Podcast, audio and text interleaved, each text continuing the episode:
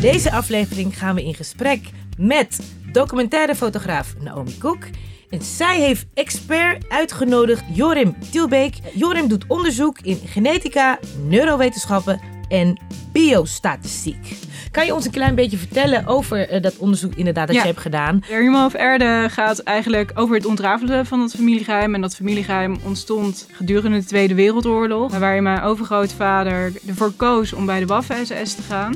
Misschien heb je dit wel doorgekregen van een over, over, overgroot. Exact. Dus bovenop de opvoeding en de omgevingsfactoren om ook te kijken naar de aanleg. De context waarin die criminaliteit heeft plaatsgevonden was natuurlijk vrij uniek. Dus Dus die bepaalt ook nog een beetje het gedrag misschien. juist, de gelegenheid voor criminaliteit die zich aandient. Wat geef je onbewust door? Ja, en ik denk dat dat ook een beetje deel uitmaakt van die zoektocht van... wat weet je nou eigenlijk over jezelf en Mm. wat maakt wie je bent?